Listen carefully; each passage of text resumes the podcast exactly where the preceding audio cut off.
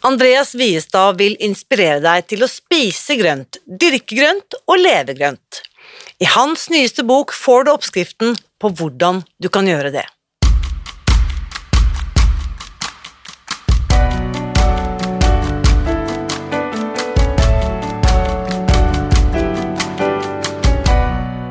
Mitt navn er Irina Lie. Jeg er journalist og forlegger, gründer og sosial entreprenør. I 2015 spiste jeg meg fri fra overvekt og fedme etter å ha slitt med vekt, kropp og følelser i nesten 30 år. Etter at jeg knakk koden, ga jeg meg selv et nytt oppdrag – å dele denne kunnskapen med alle som trenger det.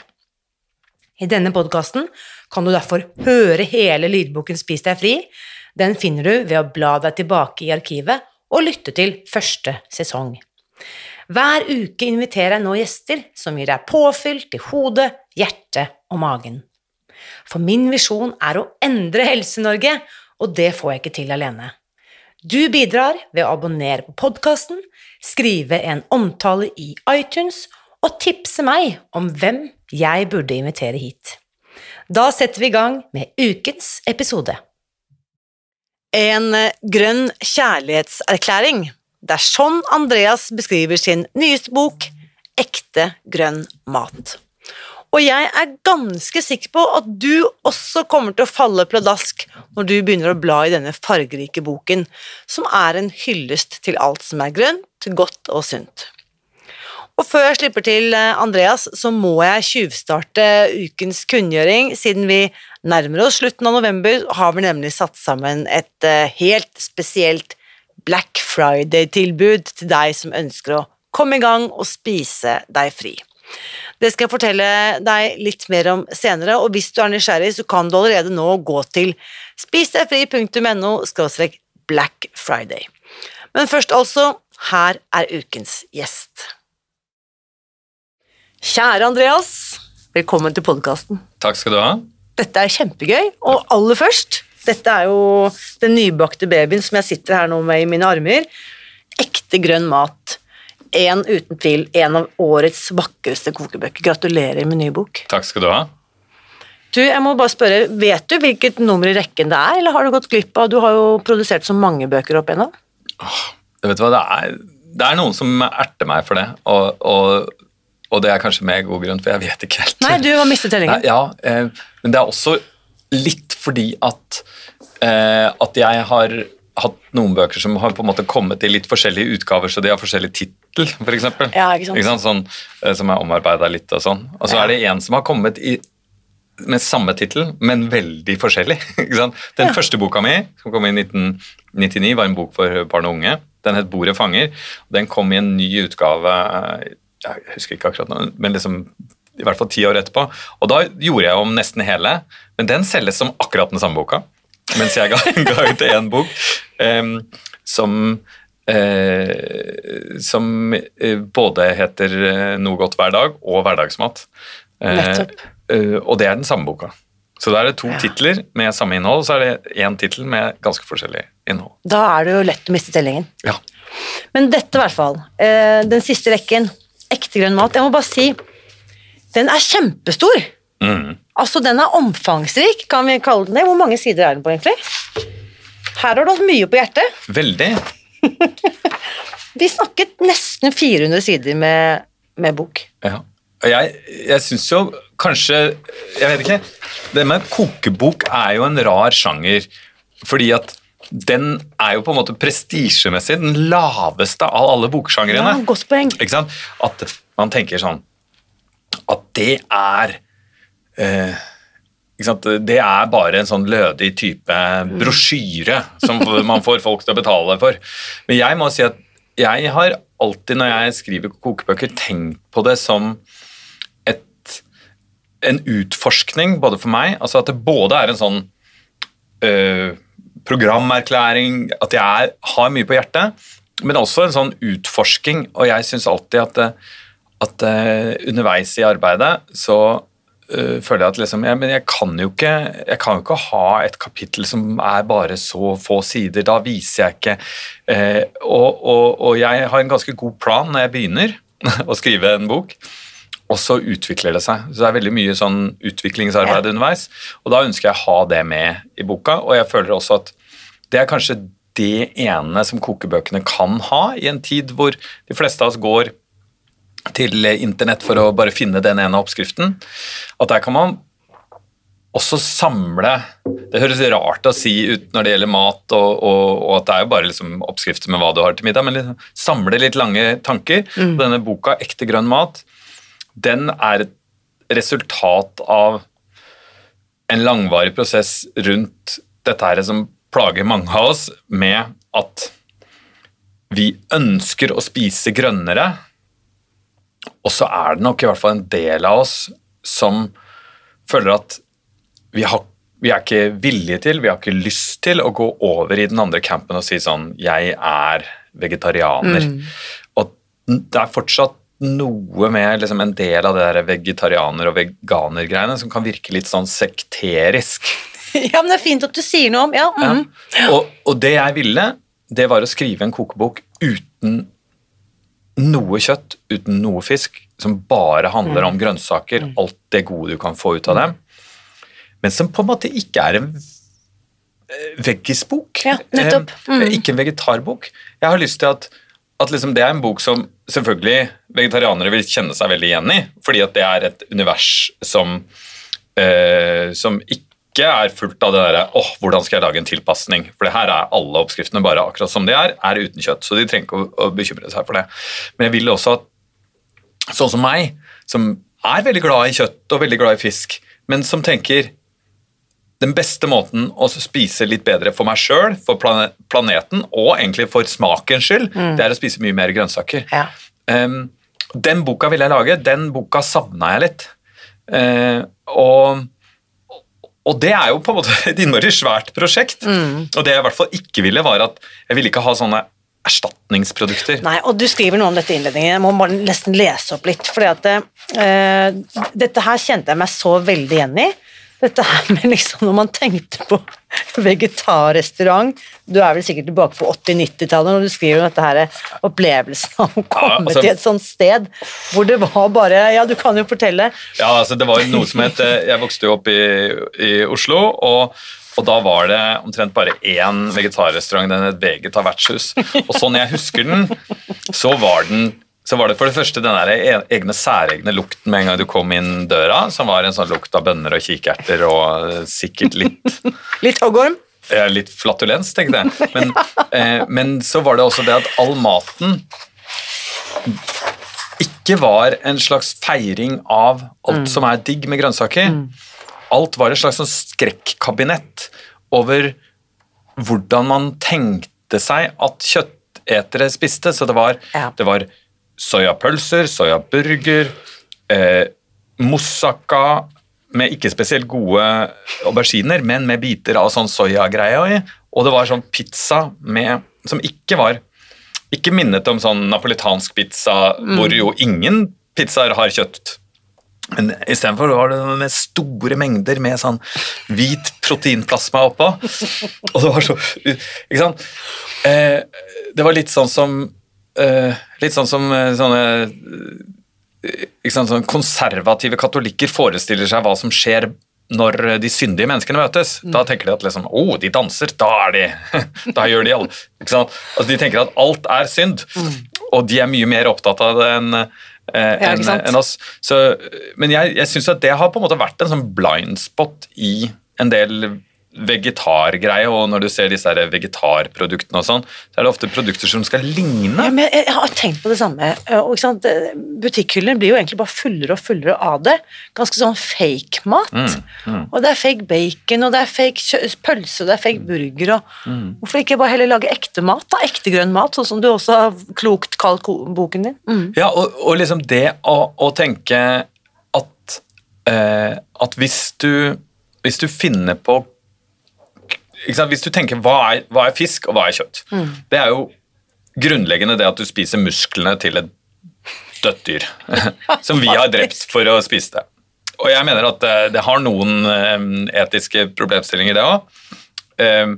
men eh, sånn er det nok nå en gang når vi plasserer oss i toppen av næringskilden.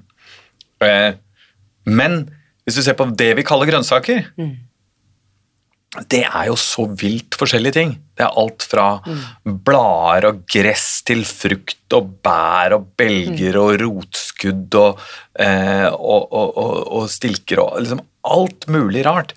Og det er jo for en som liker å lage mat, så kan man på en måte etter hvert beherske eh, vanlig sånn proteintilberedning ganske godt. Og det kan man gjøre liksom helt uten å bry seg, men det er kjempespennende å lage mat med grønnsaker. Fordi eh, det gir masse forskjellige smaker, og så krever det også på en måte eh, litt mer konsentrasjon. At jeg føler at jeg har vært også litt på skolebenken i dette. ja, ikke sant? Og ikke bare, for du, du følger jo maten og dyrker maten, du lager maten fra, virkelig fra, sånn som hva de kaller det, Norges Bondelag, fra jord til bord. Mm. Her får vi være med ut i, ikke ut i åkeren, men ut i pallekarmen, kan vi si. Ja, og det, det var jo det som på en måte kanskje var min, min vei inn også i det med å, å på en måte ta grønnsakene litt på alvor. Eh, fordi at de har på en måte hatt også litt på en måte lavere status. Mm. Men når du dyrker grønnsaker sjøl, så vet du hvor utrolig tungvint det er. Ja. Da har du på en måte investert noe i den uperfekte gulroten eller beten eller, eh, eller den der triumfen ved å få, få det? Altså, eh, Ved å få én aubergine, som jeg fikk det ene året. Eh, eller potet, som jo ofte blir regna som en kjedelig ingrediens, men når du har Kanskje du har den ene pallekarmen og har du begynner med to ris med potet. Da er det virkelig liksom fest den dagen du har Men, det. men det, altså jeg, jeg ble jo sånn andelsbonde her for noen år siden. Eh, Jeg har snakket om det på podkasten tidligere òg, og det altså Jeg ble rett og slett åtte og et halvt igjen, altså. Når jeg var med å dra opp mine egne poteter. Så ble jeg så rørt når jeg så da denne bestemorpoteten, eller mm. ikke sant, moder, hva heter det da? Morpotet. Eh, morpoteten. Settepoteten som man satte ned.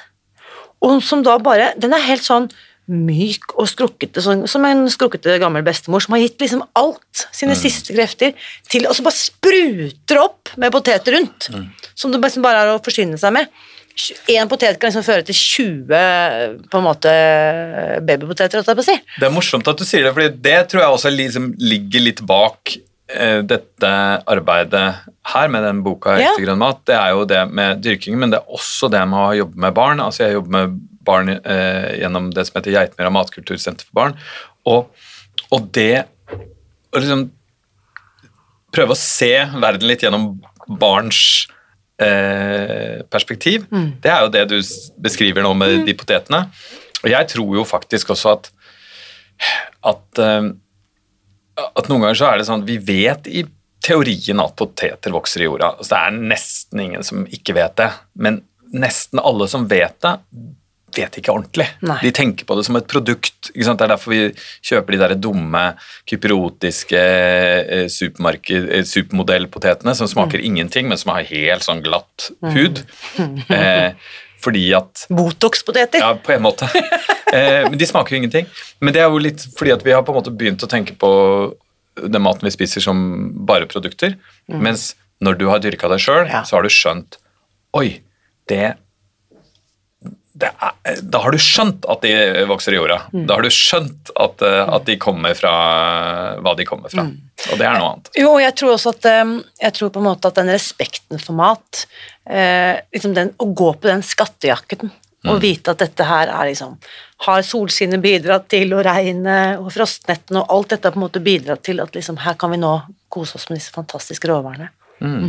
Og, og det eh, Jeg mener at det går an å bruke denne boka eh, hvis du ikke dyrker og aldri har tenkt å dyrke, men jeg vil allikevel liksom si egentlig til alle som har lyst til å spise litt bedre, det er med å dyrke noe, det er så innmari kult. Bare det derre eh, Det med at eh, urter som du dyrker selv, har mye mer smak.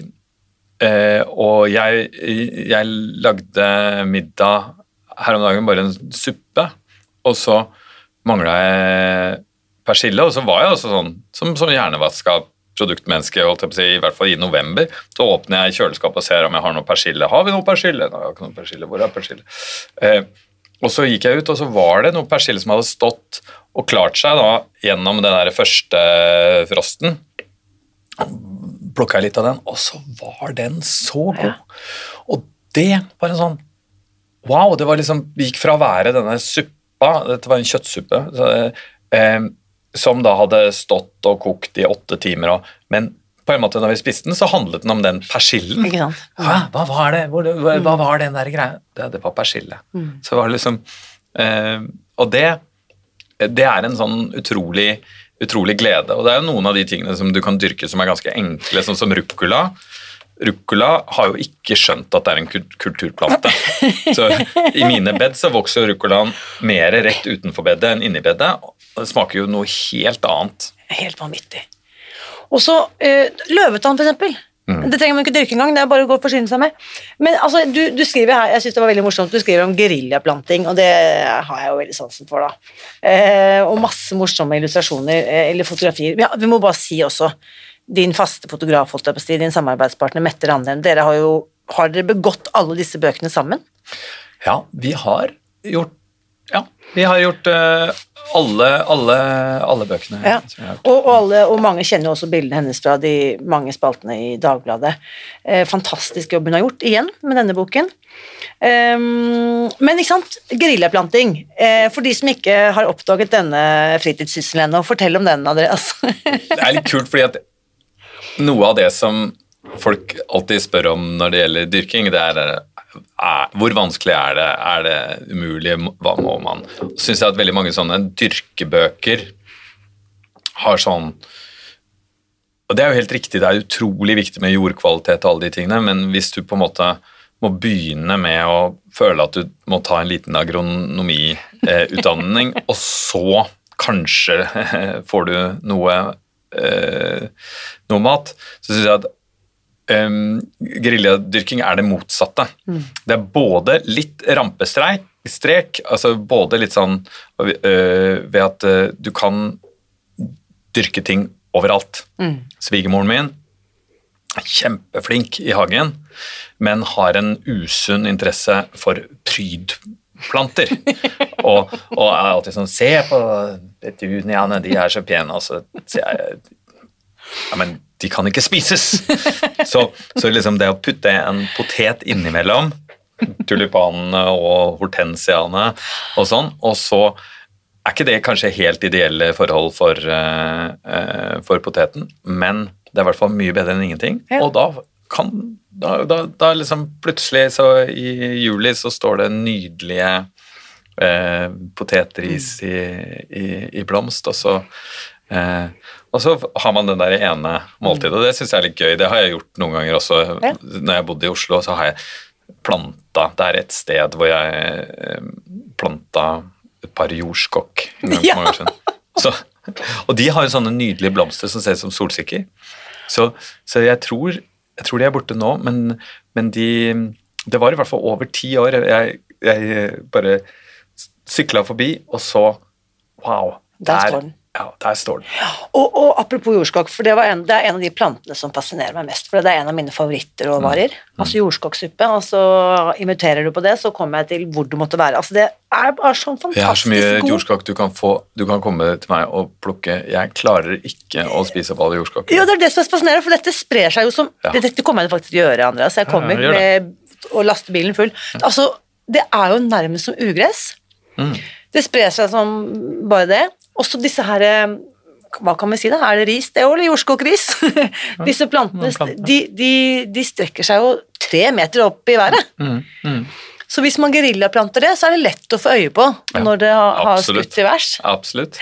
Det er sånn, og det morsomme med uh, geriljaplanting begynte jeg, gjorde jeg et par ganger liksom, i min liksom, ungdom, litt sånn rampestrek, eh, tror jeg. Og, og, men også litt sånn at jeg bodde i Kirkeveien, liksom, ikke sånn veldig grønt. eh, eh, det er midt i Oslo, og det er liksom mest trafikkerte gata. Jeg husker jeg liksom våknet opp av diesellukten når jeg kunne liksom lukte 20-bussen akselerere.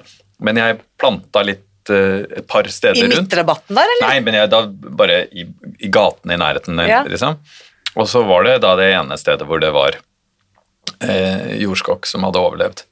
Og, og liksom var så gøy, og jeg dro en gang på date og dro opp eh, jordskokk på vei til, til liksom på vei hjem. Eh, men eh, det er også det at når man har en pallekarm eller to, Mm. og så har du kjøpt noen planter kanskje på hagesenter eller sånn, så har du et eller annet til overs. Og da syns jeg det er så fælt at liksom det står to brokkoliplanter som du ikke har plass til, og så, og så liksom bare lar man dem stå i de der små boksene sine, og så blir de visne og dør. Ja. Da er det mye morsommere å se Hæ, vil det gå an å, å, å, plante dem her? Eller utenfor hos naboen, eller et eller annet sånt. Og så plutselig så er det gøy hvis du går forbi naboen, og så er det brokkoli utenfor. Altså, Men det, det jeg digger med at du på en måte gjør det såpass eh, tilgjengelig, da, og litt sånn, hva skal vi si, uhøytidelig. Altså, grønnsakene får lov til å spille hovedrollen her, men det er nedpå. Dette kan eh, alle få til. Ja, ja, det tror jeg. I hvert fall det man kan få til, er Du vet, hvis du ikke prøver, så får du til null! Absolutt null. Og det du kan få til hvis du prøver lite grann, er mer enn null. Ikke sant? Altså, kanskje det ikke blir 100, men, men eh, det jeg håper da, er at du kanskje blir bitt av buggen, og så kanskje du da tenker at dette her var um, dette var skikkelig bra. Jeg fikk til, jeg til ruccola, salat og urter, og jeg fikk til poteter og jordskokk, og jeg fikk til, eh, og jeg fikk til eh, brokkoli, men jeg fikk ikke til eh, tomat, og jeg fikk ikke til gresskar. Hva er det som trengs? Mm, Det har jeg så veldig lyst til. Og Ja, da har du på en måte, da har du fått til noe, Ja. eh, og da er det mye lettere å lese opp på de litt mer sånn krevende tingene. Jeg må bare, Apropos geriljaplanting, du har kanskje sett den oppe på Sagene bydel, det er jo ikke langt fra her vi er nå egentlig, midt i byen det òg. Der har de i mange år hatt en sånn tilhenger, har du sett den? Mm. Som er geriljaplanting, som vi bare har fylt opp med jord, og så står den litt sånn forskjellige steder rundt på Sagene. Det er kjempekult. Kjempegøy. Det er veldig gøy. Det som er litt med eh, Som jeg også syns kanskje liksom er eh, verdt å tenke på Jeg eh, sykla forbi noen sånne dyrkekasser som Oslo kommune har satt eh, ut, utenfor på, på Skillebekk eller noe sånt. Ja. Og der har de da tydeligvis liksom hatt ideen om at det ville vært veldig fint å ha noe grønt der, men man har ikke stelt det, så da er det bare liksom fire sånne visne eh, eh, Selv ugresset har ikke klart å overleve der. Ja, ikke sant. Ikke sant? Og det, det, det, det syns jeg at det er, er liksom viktig å huske, at eh, dyrk det du skal dyrke nær deg sjøl. Ja. Begynn, begynn med din egen verandakasse fordi at du er hjemme hver dag. Mm. eh, begynn med, med noe i, i solveggen hvis du har en hvis du bor i en, eh, en leiegård med en, med en bitte liten tometers eh, stripe. Så, eh, ikke Begynn et sted nær deg, eh, og ikke, ikke kast deg over sånne altfor store prosjekter, Ja. for det er litt trist. Ja. ja, for da blir det jo fort sånn opp som en eh, Hva heter det? Løve og ned som en fell. Um, jeg liker også Jeg husker jeg skrev jo mange år uh, frilansa for Obos-magasinet. Og da var det jo på 50-60-tallet så var det sånn ikke trå på plenen. Det var det for så vidt når vi var små òg, ikke sant. Ikke trå på plenen. Men nå er det mer sånn at eh, borettslag over hele byen og sikkert hele Norge er mer sånn hvordan kan vi bruke fellesarealene? Skal vi slå, skal foreslå på neste generalforsamling kanskje vi skal snekre sammen et par pallekarmer? eh, ha det. eh, eh, ved siden av den sandkassen i bakgården, liksom. Ja, og det blir jo en sånn utrolig fin um, Det blir en utrolig fin ting både selvfølgelig for alle de som kan spise av det, men det å liksom leve i et, et miljø hvor, hvor ting vokser og gror, Yes. det er utrolig fint. Og jeg tror at, at der er det Jeg tenker at, at liksom når man snakker om at byen skal være grønn, så er jo den derre En plen er jo i teorien grønn, men det er jo en monokultur. Det er, det er bare én vekst mer enn asfalt. Da er det null. og det er det aller laveste, så jeg mener jo at det er bra med, med, med plen, men når du har sånn helt golfaktig plen utenfor eh, huset, så er det bare én mer enn asfalt. Mens hvis du enten har litt, eh, lar den vokse litt fritt, eller at du dyrker litt forskjellige ting. Og jeg var eh, og gikk på sopptur oppe på, eh, på Linderud, og, og, og der er det jo sånn eh, sånn drabantbybebyggelse med masse litt identiske hus, men noen av dem har da vært kjempeflinke til å ha små sånne små dyrkeområder ute i disse plenene, og da du kjenner liksom at hjertet fylles med litt sånn glede. Det høres sånn svulstig ut å se, men liksom at, at du ser disse her litt sånn Når du ser det utenfra, litt sånn monotone fasadene, og så er det og, så, og da tenker du åh, liksom, det så litt uh, grått og trist ut. Og så kommer du til en hvor det er et lite plommetre, noen pallekarmer, det vokser og strutter, og, eh, og, og, og da tenker du liksom åh, dette er et sted som er fullt av, Ja. fullt av glede. Og, og der tenker jeg at, at det er jo også mye penere, syns jeg, enn når det bare er pynteting. Ja, og jeg er så enig, fordi dette er jo Det defineres ikke som prydvekster, men det virkelig er jo en pryd og en fryd for øyet. Ja. Eh, spiselige vekster. Og det, det, det, det sier at det sier Det er en sånn type ting som sier Her er det liv, kom nærmere. Ikke Ikke ehm, eh, Ikke liksom Her er jeg, hold, hold, hold avstand, på en måte. Det er liksom noe motsatt av ikke tråkk på plenen. Det er liksom, Ja. bli med her, Ja. her skjer det gøye ting. Du, altså det er jo først og fremst, det er norske råvarer, eh, men det er gøy, for du har puttet inn en del sånn, ikke sant, du har eh, pot au feu, som jeg elsker tittelen på, som du har her. Ja, vet Eh, du, det er jo det er den klassiske fattigmannsgryta i, i, i Frankrike. Ja. Og, og, da, og den serveres jo fortsatt litt som en sånn fransk utgave av bondekost, men da alltid med masse, masse kjøtt. ja, ikke sant? Og det er fordi at det må den ha for å liksom rettferdiggjøre sin plass på en restaurantmeny. Men jeg bare kom over et sånt sitat hvor det var franskekongen eh, Henrik den Var det fjerde eller sjette? Eh, Det var den sjette. ja, som, som sa at i mitt land så skal alle ha råd til en høne i portefeuillen på, på søndagen. Men det fikk meg til å tenke hva var det i den portefeuillen de, alle de andre dagene? Det var jo selvfølgelig ikke det. Eh, og, og, og så, har jeg, så lagde jeg en, en bare med liksom beter og neper og rotgrønnsaker. Og så, og så tenkte jeg nei, men det, det kan ikke gå, men jeg vil prøve det. Og så er det noe med det derre Den smaken blir så konsentrert. Det smaker så mye av seg selv. Og, og der er det jo av og til at man liksom sier at det peneste komplimentet til eh, en eh, grønnsak er at den smaker nesten som kjøtt, men nei, den bare smaker så utrolig mye dypere, og den har den derre eh, De har alle disse her komplekse, dype smakene, og det er utrolig, utrolig deilig. Og så kan man jo selv velge om man vil ha den som en hovedrett, eller om man vil ha den som tilbud, eh, til, eh, tilbehør til noe annet, eller det tenker jeg også er ganske viktig. Vi er vant til at liksom Vi er blitt litt sånn hjernevaska i vår kultur til at det er ikke middag med mindre noen har dødd.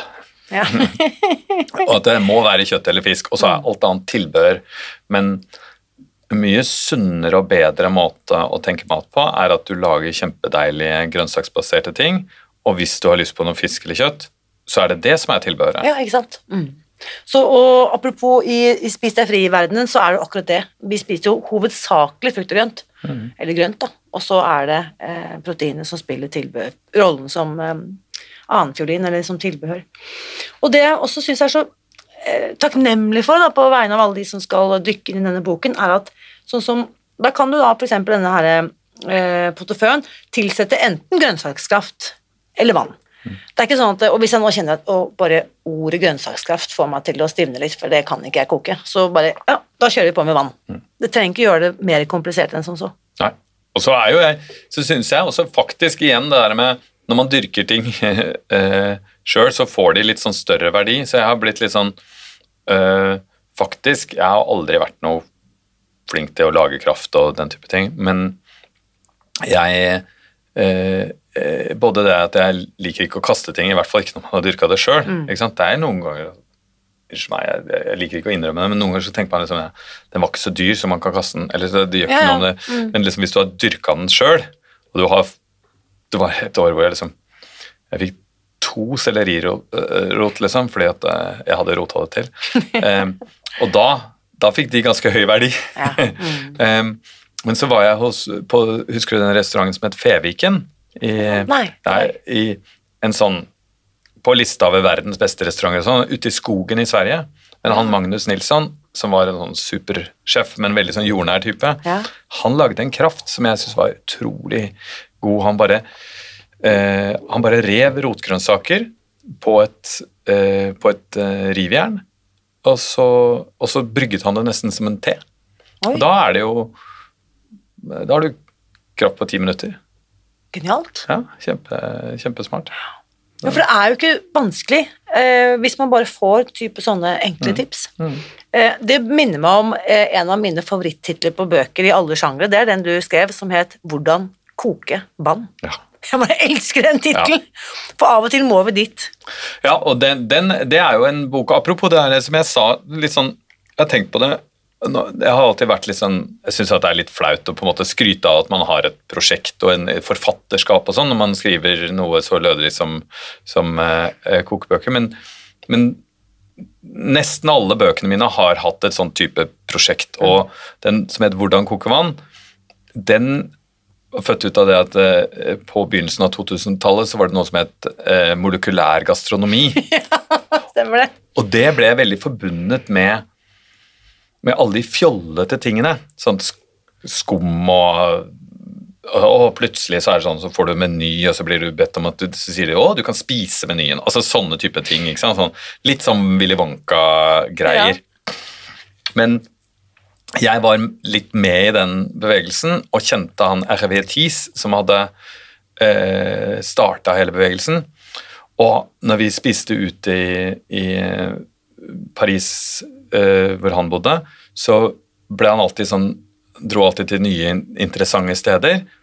Og så ble han i 90 av tilfellene rasende. Uh, for han sa sånn This is not science, it's just the application of technology. Eh, fordi det han virkelig var interessert i, var de helt sånn basic tingene. Sånn, hvorfor blir det majones og majones? Hva skjer når du bruner et stykke kjøtt? Bør du salte eller ikke salte en aubergine? Den type ting. Og jeg ville skrive om mat og vitenskap, men jeg ville da gjøre det veldig tydelig at det ikke handlet om eh, skum og, og fyrverkeri og, og den type kulinarisk eh, tryllekunstneri og triks, men at det handlet om de helt grunnleggende tingene. Og da syns jeg at den tittelen 'Hvordan koke vann' eh, var bra. Den har jo holdt seg. Jo, den holder seg, altså, og det tenker jeg at jeg syns det er så deilig sånn befriende at la oss starte der. Eh, For jeg tror det er så mange som frarøver seg selv gode matopplevelser fordi de tror at det skal være vanskelig. Mm. Og det er så synd. For det trenger ikke være vanskelig i det hele tatt. Nei, nei. Og, og det som er liksom Det som er rart med, med mat, da, er at vi, vi er jo et samfunn hvor stadig flere av oss er, er liksom velutdannede mennesker som på en måte er superorienterte og, og liksom eh, Vi vet utrolig mye om eh, Vi vet mye om konflikten i Gaza, om teknologi, om eh, presidentvalgkampen i USA og om alle mulige sånne type ting. Men når det gjelder mat, så stoler vi på noe vi hørte svogeren vår sa en gang, som vi ikke engang har giddet å Altså Én ting er at liksom, det er mye kunnskap du kan google som ikke er særlig eh, presis, men, men du har ikke engang giddet å google det som, eh, eh, som svogeren din sa, du bare gjenforteller det til en uendelighet. Og, og det er jo utrolig eh, dumt. Det ser man jo veldig mye med det der kostholdsgreiene. At det er sånn helt koko bananas ting som er, går ut og går. Men også veldig mye sånn eh, ting som gjenfortelles, som er motbevist for hundrevis av år siden, eh, eh, men, men som all- allikevel at, at man bare sier at eh, eh, du skal brune kjøttet for å forsegle overflaten. Ja. Det, er bare, det er bare tullball. Det du gjør, er, er noe helt annet. Du setter i gang noen bruningsprosesser og den type ting. Men, men liksom eh, det, det bare eh, gjenfortelles og gjenfortelles. Som det blir stående som sannheter. Mm. Og at det er autoriteter også sier det. Sånn. Bruk en blanding av smør og, og olje, fordi da brenner det seg ikke. ikke? Det er jo bare tull, fordi at uh, melkeproteiner de brenner eh, på 145 grader uansett om det er lite eller mye av dem i panna. Ja, ikke sant? Og Om det er mer olje eller ikke, ja. Ja, ja. Altså, sånn, hvis du vil få til det samme, så kan du, kan du få til å steke i olje først, og så når du skrur ned varmen etterpå, så har du oppi litt smør, og da får du eh, den gode, sant, den gode smaken. Av. Og her kommer nettopp den her eller vitenskapen som du snakket om i stad. Mm. At det er jo, har jo noe for seg å skjønne noen av disse teknikkene. Eh, men jeg tror også at det er mulig å liksom lage veldig mye god mat uten å vite egentlig hvorfor. Ja, ja, ja, absolutt. Men det er jo innmari morsomt.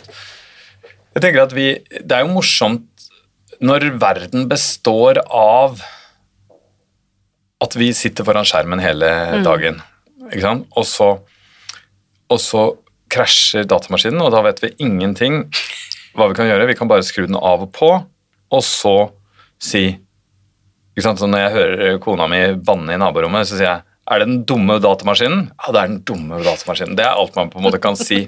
Men når, du, når du lager mat, så er du nær noe av det som er opprinnelig menneskelig. Menneskene er i verden, men har aldri kunnet la verden være i fred. Vi manipulerer den, vi gjør forskjellige ting med den, og vi hakker den, vi koker den, vi, vi steker den, vi spiser den. Ikke sant? Og vi har et sånn type Og det er så sanselig. Eh, når du lager mat, så, så kan du lukte umiddelbart om varmen er litt for høy hvis du har hvitløk i panna, trekker du den til side, og så, og så er det en del av liksom den menneskelige musikaliteten og eh, Og hvis du syns det er pyton, så er det alltid bare ekstraarbeid. Men hvis du, er, hvis du blir glad i det, så er jo det eh, Jeg vet ikke hvordan du har det, men liksom Jeg har hatt Jeg skal liksom jobbe med mat, og jeg gjør jo det, men jeg, jeg jobber jo Bruker mer tid foran datamaskinen enn enn noe annet. Når jeg da står hjemme og lager mat, så er jeg både et tenkende pratende, diskuterende, vindrikkende eh, Sansende. sansende menneske som, som er en eh, ektemann, barnefar, venn, eh, kollega, og jeg får noe til å skje. Det er, jo utrolig, Ja. utrolig frigjørende. Altså. Jo, men jeg tenker også på dette her, sånn som du snakket om, at dette her er dypt menneskelig, da, ikke sant? Og jeg kjenner også det at det, å stå der med den rare, litt sånn underlig utseende søtpoteten, stå og skrelle den, den kan kokes, den kan bakes, den kan friteres, hva vet ikke jeg, ikke sant? Og så det, altså vi får jo mulighet til å være litt tryllekunstnere. Ja, det, vet du hva, eh, jeg skal ikke, jeg skal ikke badmouse eh, en viktig gjest på Geitmyra, men vi hadde besøk på Geitmyra av, av Bill Gates tidligere i år. Ja. Og han var sammen med noen juniorkokker, og vi skulle lage noe mat, og så skulle vi snakke om noen sånne globale utfordringer rundt mat. Og, og da er jo virkelig Bill Gates en som har gjort fantastisk, fantastisk mye, og en, en satsning som er viktig eh, for verden. En flott legacy. Men siden rammene nå en gang var at vi skulle lage mat, så står vi da sammen med eh, 14- og 15-årige barn og, og Bill Gates, og så skal vi lage noe, og så snakker vi om, om, om det i den sammenhengen. Og så får han en enkel oppgave, og det er å skrelle og hakke en halv søtpotet. Nei, nei, nei. Og så, og så, så skjønner jeg at han har jo Så det gikk helt, helt bra, men liksom vi tenkte at han hadde fått litt lite å gjøre på ti minutter, på en måte. Men det, da måtte på et tidspunkt en 14-åringene ta, ta den og skrelle den og gjøre det ferdig. Det var kjempefint. Og han hadde huet et annet sted, men det var også tydelig at han hadde aldri gjort det. Nei. Og da tenkte jeg eh, på et sånn personlig plan at han er sikkert Han er i hvert fall en av verdens rikeste mennesker. En av verdens mest sånn innflytelsesrike mennesker. Eh, kanskje en av verdens smarteste mennesker. En, en, en utrolig betydningsfull person. Men på en, et plan så var jeg mye, mye rikere enn han. For jeg kan Jeg kan Jeg kan ha en, en potet, en søtpotet, um, og en Jeg kan ha en uspiselig, rynkete søtpotet og en venn. Eh, og vi kan stå og prate, og i løpet av en halvtime så kan vi også dele et måltid. Fantastisk. Og det er jo en fin ting å ha. Og jeg, jeg syns akkurat dette her at det skal ikke mer til enn liksom å ha en god venn og en rynkete søtpotet, så har du det du trenger for å lage et fantastisk måltid. Eh, at vi må på en måte Så kan vennene ha med en flaske vin. For eksempel. og det er akkurat det, ikke sant, at ehm, eh, dette kan også være eh, fordi jeg opplever ofte at mange sier sånn, ja, men det å lage alt fra bunnen av rinna, det tar jo så lang tid. Det er også en myte, apropos myter vi snakker om. Eh, Ja, men, men jeg syns jo også det er et uttrykk jeg ikke forstår. Eh, det er Det er liksom sånn Det er jo noen barn i dag med chat som bruker chat-GTP som, som da eh, blir sure hvis de blir ferska i å gjøre det i en skoleoppgave. Og da er det er det samme som Hva? Skal vi gjøre alt fra bunnen? Altså, Enten har du skrevet den teksten, eller så har du ikke skrevet den teksten. Enten har du laget mat, eller så har du ikke laget mat. Og jeg mener det er mange situasjoner hvor det er helt legit å si jeg har ikke mulighet til å lage mat i dag, så i dag varmer jeg mat som noen andre har laget. Og det gjør jeg stadig vekk, men da varmer jeg stort sett min egen mat. da, ikke sant? Eh, men men det, det er ikke noe gærent. Men lage mat fra bunnen, hva, hva betyr det? Liksom, det, er, det er det som er å lage mat. Ja. Nei, og er Interessant skulle skulle nevne chat-GPT, for det er det jeg faktisk har tenkt på i forhold, mitt eget forhold til det, er at ja, det er for meg som fast food.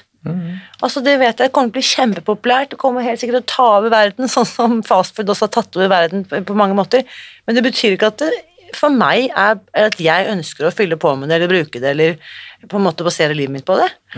For meg er jo det å skrive, uttrykke meg, på en måte skape tekst, er jo mitt håndverk. Så hvorfor i all verdens navn vil jeg ønske å outsource det?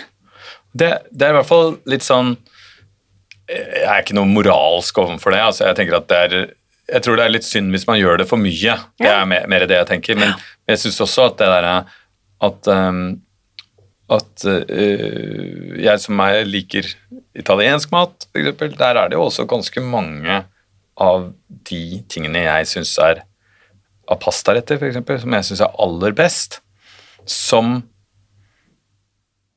egentlig nesten alle unntagen den der ordentlige raguen fra Bologna, liksom, som skal koke lenge, så er det nesten alltid sånn at jeg, set, jeg fyller vann i, i, en, eh, i en gryte, setter jeg den på, og så lager jeg hva enn det er liksom, den skal være med.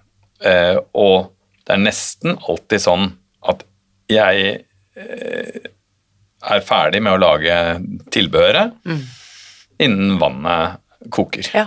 Ikke sant? Så nå er jeg kanskje liksom Man får jo litt mer sånn øvelse og rutine, men det er jo ganske mye sånn det derre Oi, Hei sann.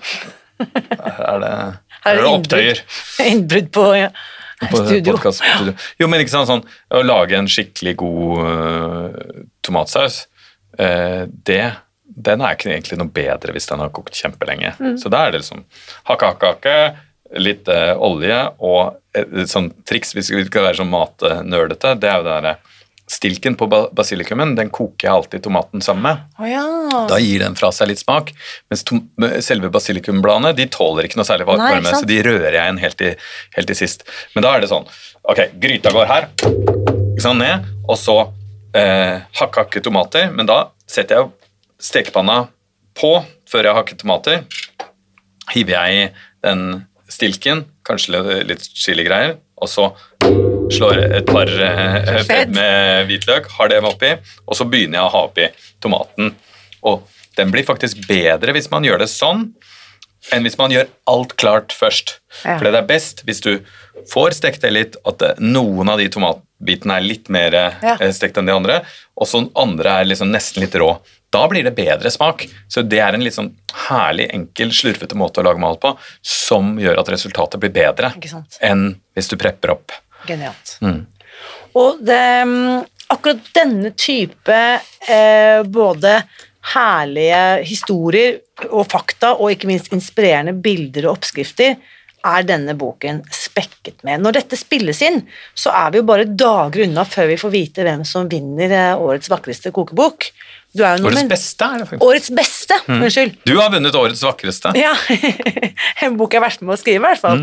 Det er noen år siden. Eh, Men eh, årets beste kokebok, som er en årlig pris som eh, Nordli, bokhandlerkjeden Nordli gir ut, den, den er gjev, den prisen, og du er er nominert. kjempe- Jeg har en kjempegod følelse for dette verket her, eh, Andreas. At det, jeg satser på at vi, når denne episoden sendes, at vi sender da en episode om eh, årets beste kokebok. Ja, det, det, det håper jeg også. Jeg, jeg vet nesten ikke hva jeg skal si, for det blir så uendelig flaut hvis jeg ikke, hvis jeg ikke vinner. Men jeg tenker også at det er utrolig gøy at, at det blir sett, og det er egentlig sånn viktig også at man har sånne kåringer i, i, i det eh, For det er jo en, eh, en sjanger av bok som ikke er med på en del av de andre eh, store kåringene, og da må man jo lage det sjøl. Og det som i hvert fall er, er klart, er jo at det, at det begynner å bli et litt sånn modenhet i eh, kokebokverden ved at det er noen veldig tradisjonelle og solide kokebøker, noen litt sånn eh, slurvete tidsånd-kokebøker og noen veldig annerledes kokebøker. Og I år så har jo også Kristoffer Håtuft eh, eh, sin første kokebok, og den er jo mer sånn Den er både selvbiografi og kokebok. Ja, kult. Så det er jo liksom eh, Han burde ha på båten. Han, han er kjempemorsom, men liksom eh, så, så det at, at mat ikke bare er liksom, Matkokebøker i Norge begynte jo litt med at det var liksom den strenge husstellæreren, eh, og så, og så etter hvert den snille husstellæreren, og så, og så liksom den mesterkokken og, og, og sånn, og så kanskje noen som var sånn værmannsen, på en måte. Men eh, det at eh, kokebøker kan være mange ting, og også fortelle historier, eller, eller være en inspirasjon, kanskje, tenker jeg til å se til til å også kunne, sånn litteratur kan være, til å se verden på en litt annen måte. Og det tenker jeg um, at, uh, at jeg håper at denne boka kan være, selv om det er litt sånn stor, stor ambisjon, men det er at du kan selv hvis du ikke leser et ord, hvis du blar igjennom Ja. og bare leser overskriftene, så kan du tenke Kanskje jeg burde ha, Kanskje jeg burde liksom omfavne dette med å spise litt grønnere med, med sånn glede og inspirasjon. Ikke med, med plikt og dårlig samvittighet. Og dette minner meg om når jeg ser på dette her, så var det en som sa en gang at uh, vi burde ikke snakket så mye om fem om dagen, vi burde snakket om 30 i uken. Og den liker jeg, for at uh, hvis du liksom ser på variasjonen, bare fargerikdommen som, disse, som popper ut av disse sidene, følger du denne boken, så kan du uten problem få til 30 i uken. Ja, og det er jo kjempe Og det, det er jo kjempegøy det, det, det øyeblikket man ikke eh, liksom den, den tendensen vi har hatt de siste årene med at man har eh, man har hatt kjøttfri mandag og kjøttfrie ting på kantinen og sånn. Der tenker jeg at man kanskje har, har gått i riktig retning. Det er jo ikke noen spesiell grunn til at man liksom skal spise kjøttpålegg til frokost på mat, mat, og i matpakka, og så kjøtt til eh, lunsj, og så hjem og spise kjøtt til middag. Altså det, det blir jo ikke noe spennende av det. Det er ikke de mest spennende tingene. Men man bør jo være litt mer klar på hva er det man omfavner, hva, er, hva slags mat skal man ha. Og da jeg gikk på Blindern og studerte, så var det i kantina chili con carne med eller uten kjøtt. og da har du på en måte rett, rett med fravær, ikke sant? Altså, da, da, da bare noterer du deg hva fraværet er. Og jeg syns nok at den holdningen er det litt mye av fortsatt. At, eh, at det er uh, altfor ofte at man sier eh, kjøttfri gryte eh, i kantina, istedenfor å si i dag har vi en toskansk eh, eh, bønnegryte, og den er skikkelig god. Den gleder vi oss til. Eh, og, og, og, og liksom det eksempelet jeg begynte med, med den derre eh, Moussakam på Vegeta vertshus, at, eh, at eh, den derre den melanzane parmigiani, eh, som er altså sånn eh, eh, aubergine og, og tomatsaus og masse ost, eh, det er jo en helt utrolig sinnssykt god rett hvor det ikke skal være noe kjøtt i. Og, og til og med er sånn at det, du, du klarer ikke å stoppe å spise, og du blir helt sånn? Du blir sånn, sånn krisemett, sånn som du blir av lasagne. Etterpå sånn Å ja, jeg er bare én bit ah.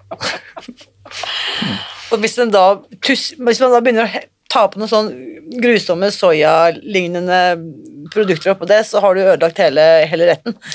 Nei, jeg er veldig glad for at du er så tydelig på det. Jeg er helt deler den også. Og dette er jo et umulig spørsmål, men jeg må likevel avslutte med det, Andreas.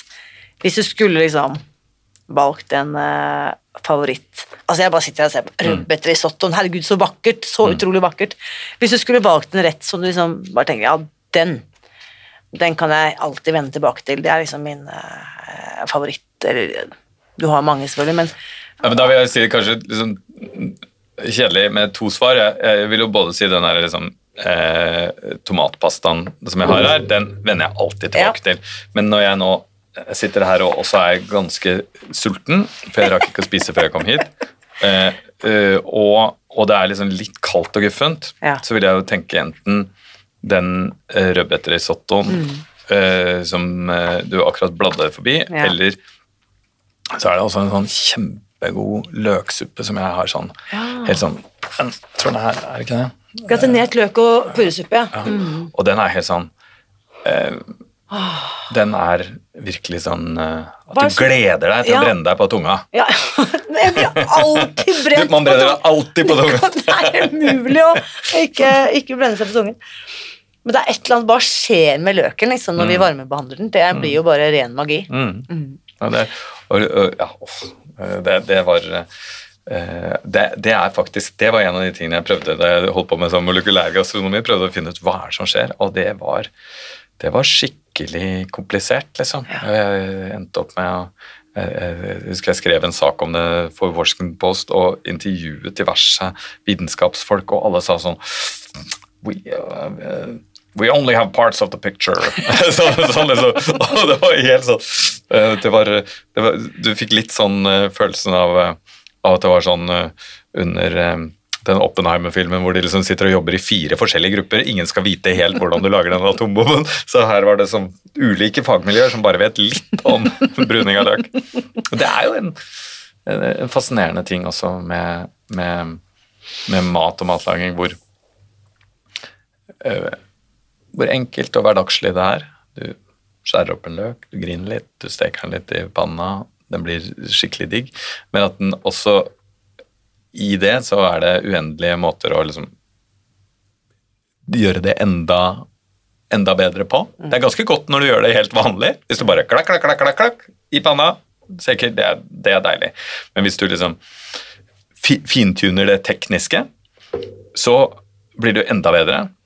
Og hvis du faktisk liksom undersøker det, hva er det som skjer her, så har du potensial til å dra det enda en omdreining til. Du trenger ikke å gjøre det, men det er sånn trenger, Hvis du er interessert i mat, så trenger du i hvert fall aldri å kjede deg. Det er så godt poeng. Jeg har bare kjeda meg én gang siden 1995, jeg. Det er sant? Ja, og når var det?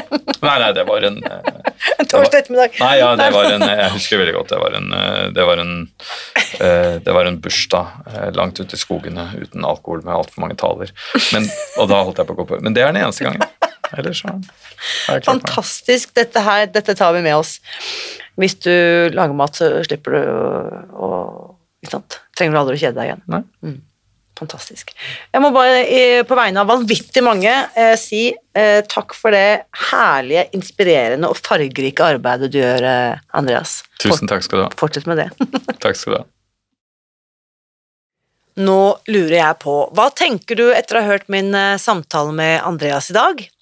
Samtalen etter ukens episode fortsetter som vanlig i den åpne Facebook-gruppen Spis deg fri, så bli med over dit og del dine tanker og takeaways etter å ha hørt dette. Og så var det altså årets Black Friday-tilbud, som du finner ved å gå til spisdegfri.no Black Friday. Denne uken har vi nemlig satt sammen en skikkelig gavepakke til deg som vil komme i gang og spise deg fri. Eh, denne pakken inkluderer boken Spis deg fri, som gir deg eh, kunnskapen du trenger for å kode om hjernen din, og ved hjelp av enkle metoder lærer du å automatisere nye vaner rundt mat og måltider. I tillegg så får du med den eh, offisielle kokeboken, hvor du finner oppskrifter til frokost, lunsj og middag for både kvinner og menn som ønsker å gå ned i vekt. Og begge disse bøkene sender vi hjem til deg i posten. Og på toppen av det hele så får du da også tilgang på vårt populære nettkurs Startkurs i seks måneder. Og dette spesielle tilbudet det kan du også bestille ved å gå til spisdegfri.no black friday.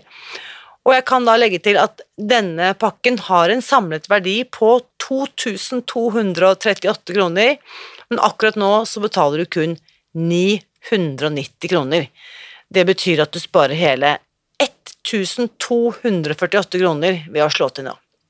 Jeg måtte regne litt på det og fant ut at det tilsvarer faktisk 56% i forhold til veiledende pris. Så hvis du på noe tidspunkt har vurdert å dykke inn i Spis deg fri, så er dette absolutt riktig tidspunkt å gjøre det på. Tilbudet det finner du altså ved å gå til spisdegfri.no black friday, og det er bare tilgjengelig denne uken. Så husk også, uansett hvilke Black Friday-tilbud du velger å slå til på i år, så vit at jeg heier på deg. Alltid.